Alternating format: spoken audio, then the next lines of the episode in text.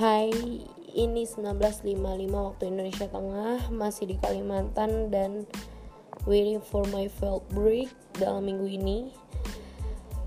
Gue berani bikin podcast karena pas gue pulang tadi lihat berita tentang cuaca ekstrim yang melanda beberapa wilayah di Indonesia dan yang berdampak terhadap jembatan runtuh, pohon yang tiba-tiba tumbang terus banjir angin puting beliung. Ya gue di sini juga ngalamin.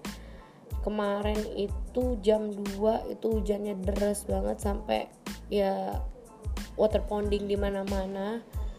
Aliran drainase airnya juga sampai nggak bisa nampung. Dan tadi pagi dalam satu pit itu setengah bisa hujan deras dan setengah bisa terang. Habis itu panas banget dan sore ini itu petir sampai beberapa kali dan itu gede-gede banget dan hujan pastinya hujan. Nah kenapa gue mau bahas ini? Karena ini relate to apa sih aktivitas yang biasanya dilakuin di tambang kalau hujan? Oke. okay.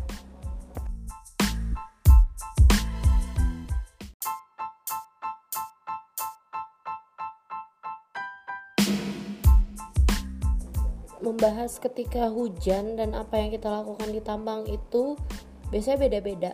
Kalau gue sebagai engineer kita agak khawatir even kita udah ngerencanain berapa jam hujan dari historical data. Cuma kalau udah deras itu biasanya impactnya ke sum kita penuh dan kita harus pompa ya ini more cost. Terus uh, kita nggak bisa running fleet pastinya dan kita ketika hujan ya harus weather recovery dulu berapa lama produksi terganggu dan segala macam. Itu dari sisi gua. Tapi dari sisi operator mereka malah ngedoain kalau hujan itu sampai teriak ye kayak gitu. Karena mereka bisa tidur karena kita nggak bisa running kan dengan alasan safety. Jalanan licin dan becek segala macam ketika gua harus jelasin impactnya itu bakal panjang. Cuma pada dasarnya adalah um, kita sebagai engineer itu merasa kalau misalnya hujan yang lebih dari planning kita otomatis target kita tidak akan tercapai. Dan ketika di sisi operator mereka akan senang dan mereka ngapain? Biasanya tidur. Tidur di kabin uh, alat mereka masing-masing event itu di truck atau di excavator mereka tidur. Membahas tentang tidur gue akan relate ke apa? Fatigue. Fatigue management fatigue management itu memang dibutuhkan oleh setiap orang even dia nggak bekerja di tambang even dia bekerja di kantor atau mungkin apalagi untuk kita yang bekerja di tambang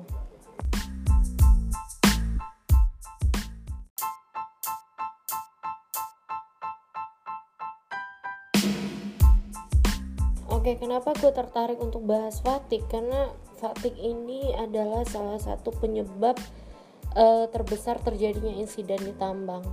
Beberapa lama gue di sini ada sudah ada beberapa insiden uh, yang disebabkan karena fatigue dan itu berakhir menjadi terminasi.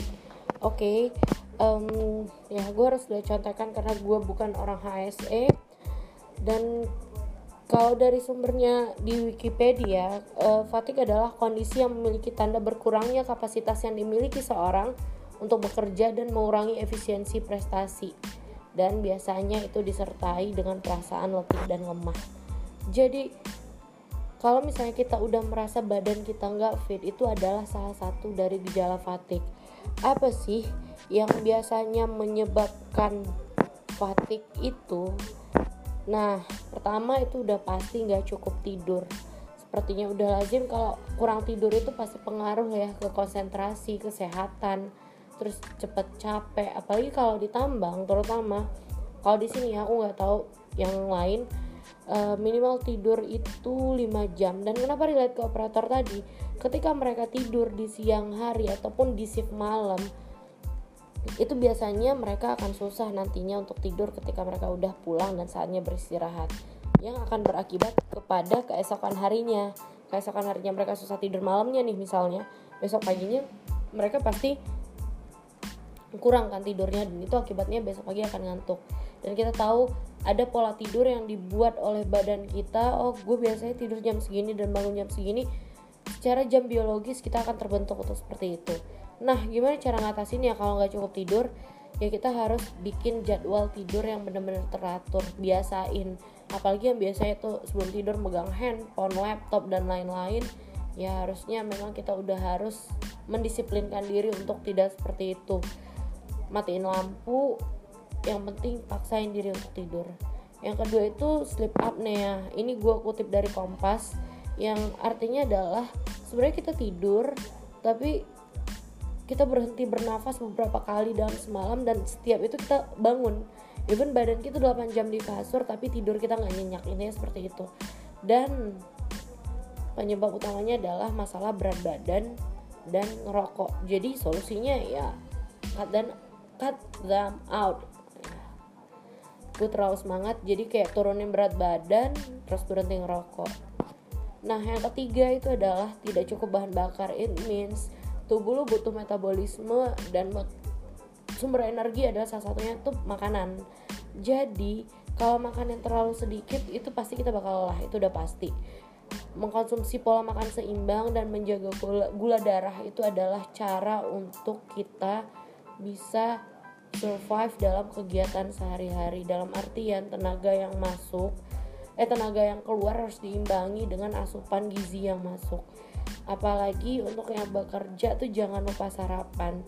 Banyak kan yang selama ini kayak lo gue diet nih cuma makan siang doang. Please sarapan at least lo konsumsi buah atau mungkin lo minum susu yang sehat lah. Coba cari alternatif makanan yang sehat yang tidak mengganggu diet lo yang keempat itu anemia. Nah anemia itu biasanya ke kaum perempuan yang lagi menstruasi jadi kurang zat besi. Padahal kita butuhkan sel darah merah itu dalam tubuh. Nah gue sering mengalami ini ketika dalam kondisi gue menstruasi badan gue lelah hmm, dan siangnya emang gue ngerasa badan gue nggak fit. That's why kalau di undang-undang tenaga kerja untuk perempuan yang lagi menstruasi itu boleh untuk mengambil cuti dengan keadaan dibayar itu satu hari if I'm not mistaken correct me if I'm wrong. Nah yang kelima depresi. Yes depresi itu pengaruhnya yang langsung itu pasti ke emosional kan tapi ketika emosional jelek itu pasti ngaruh ke fisiknya. Nah pasti sakit kepala, fatigue, nggak fokus, ngantuk, wah bodoh amat pasti kayak gitu kan orang depresi. Ya solusinya konsultasi sama psikiater atau lo coba healing diri sendiri untuk memanage stress management. Ya mungkin nanti kita bakal bahas masalah stress management. To be honest gue pernah mengalami ketika gue feel so depressed masalah kerjaan lingkungan dan segala macem yang di mana kondisi gue langsung relate gak fit gak pengen ngapa-ngapain ngantuk cuma pengen tidur. Kan ada ya biasanya orang wah pengen tidur aja nih. Lagi males ngapa-ngapain banyak banget kan yang kayak gitu. Yang keenam itu adalah terlalu banyak kafein.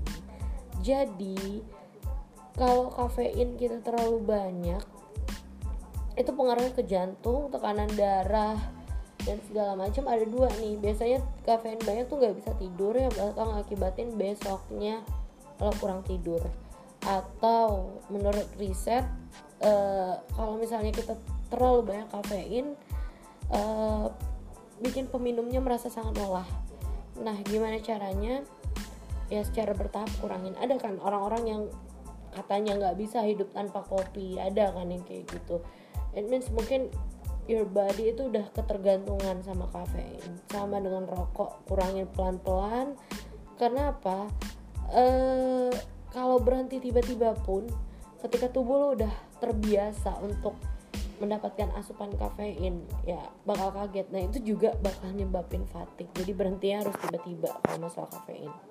Yang ketujuh itu diabetes. Jadi gula darah kita tinggi kita ngantuk ya seperti itulah. Gue nggak bisa menjelaskan secara medisnya tapi mungkin orang yang sakit gula itu sering ngantuk. Gue bisa melihat orang-orang sekitar gue yang terkena diabetes.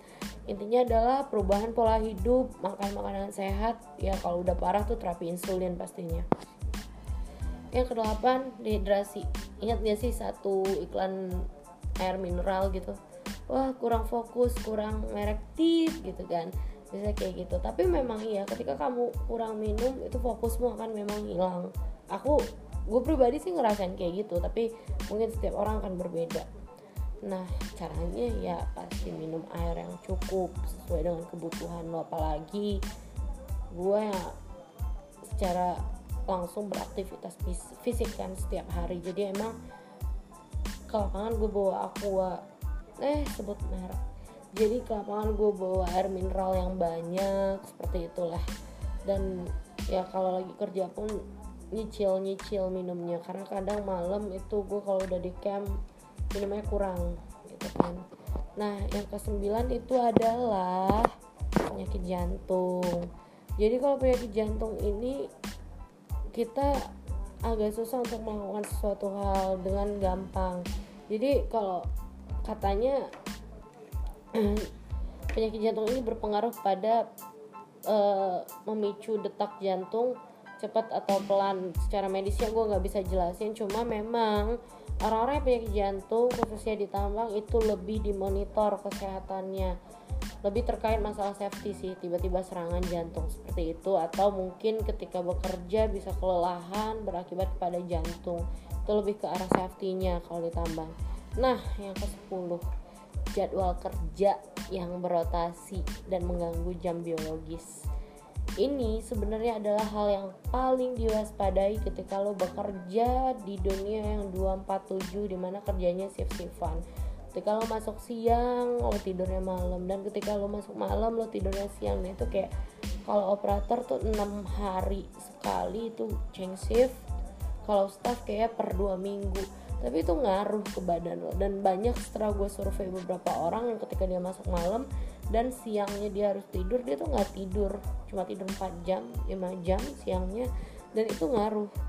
Nah gimana solusinya? Biasanya sih dari apa yang gue tanya dan juga dari beberapa sumber yang gue collect ketika mau tidur itu hindari langsung cahaya matahari. Biasanya jendela dibuka itu tutup jendelanya matiin kamar. Eh matiin kamar matiin lampu kamar. Jadi tuh kita emang harus benar-benar mencoba untuk tidur yang cukup. Gitu loh.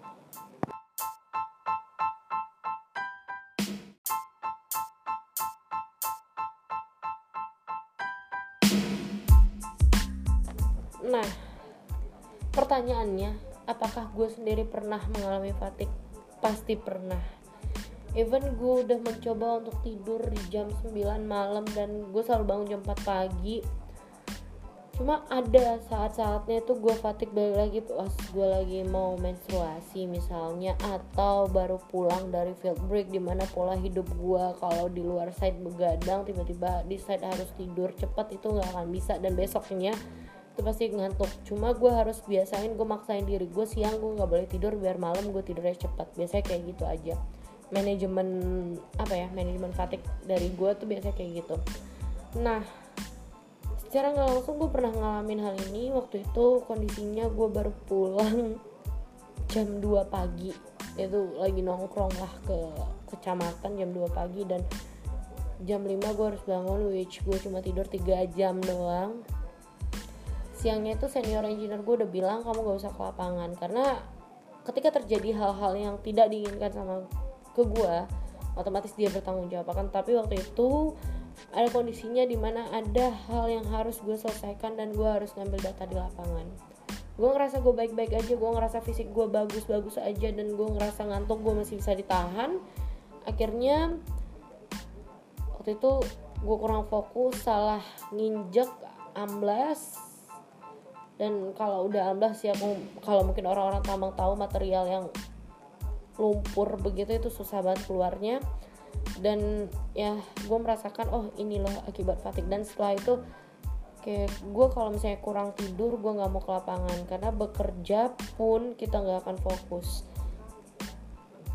Tapi itu nggak profesional berarti kan. Jadi ya gimana caranya lo harus tidur tepat waktu dan bisa nyelesain kerjaan lo besok harinya. Terus kalau misalnya gimana nih kalau fatigue ya gue memaksakan diri untuk bisa tidur siang padahal kadang nggak bisa mencoba untuk uh, memanage tahan ngantuk tahan ngantuk tahan ngantuk even karena kopi itu udah nggak ngaruh secara pribadi kopi di gue udah nggak ngaruh untuk nahan ngantuk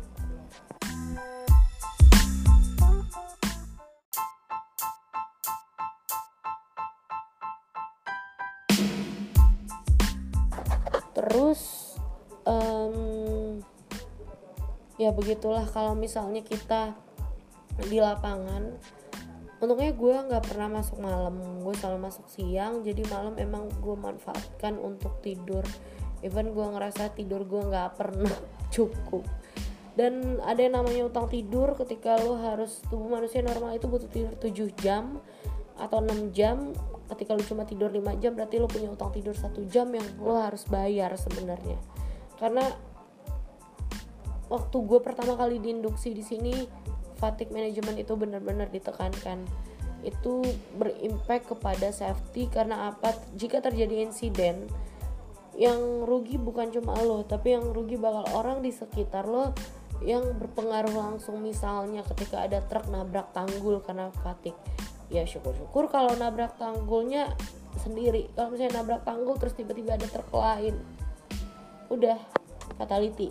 Jadi itu benar-benar diprioritaskan lah masalah manajemen fatigue. Dan tiap pagi itu ada form absensi yang kita isi kita tidur berapa jam kita sudah bekerja berapa jam dan emang kalau ditambang uh, pertama setelah field break dan ketika akan field break itu adalah masa-masa rentan lo terkena fatigue.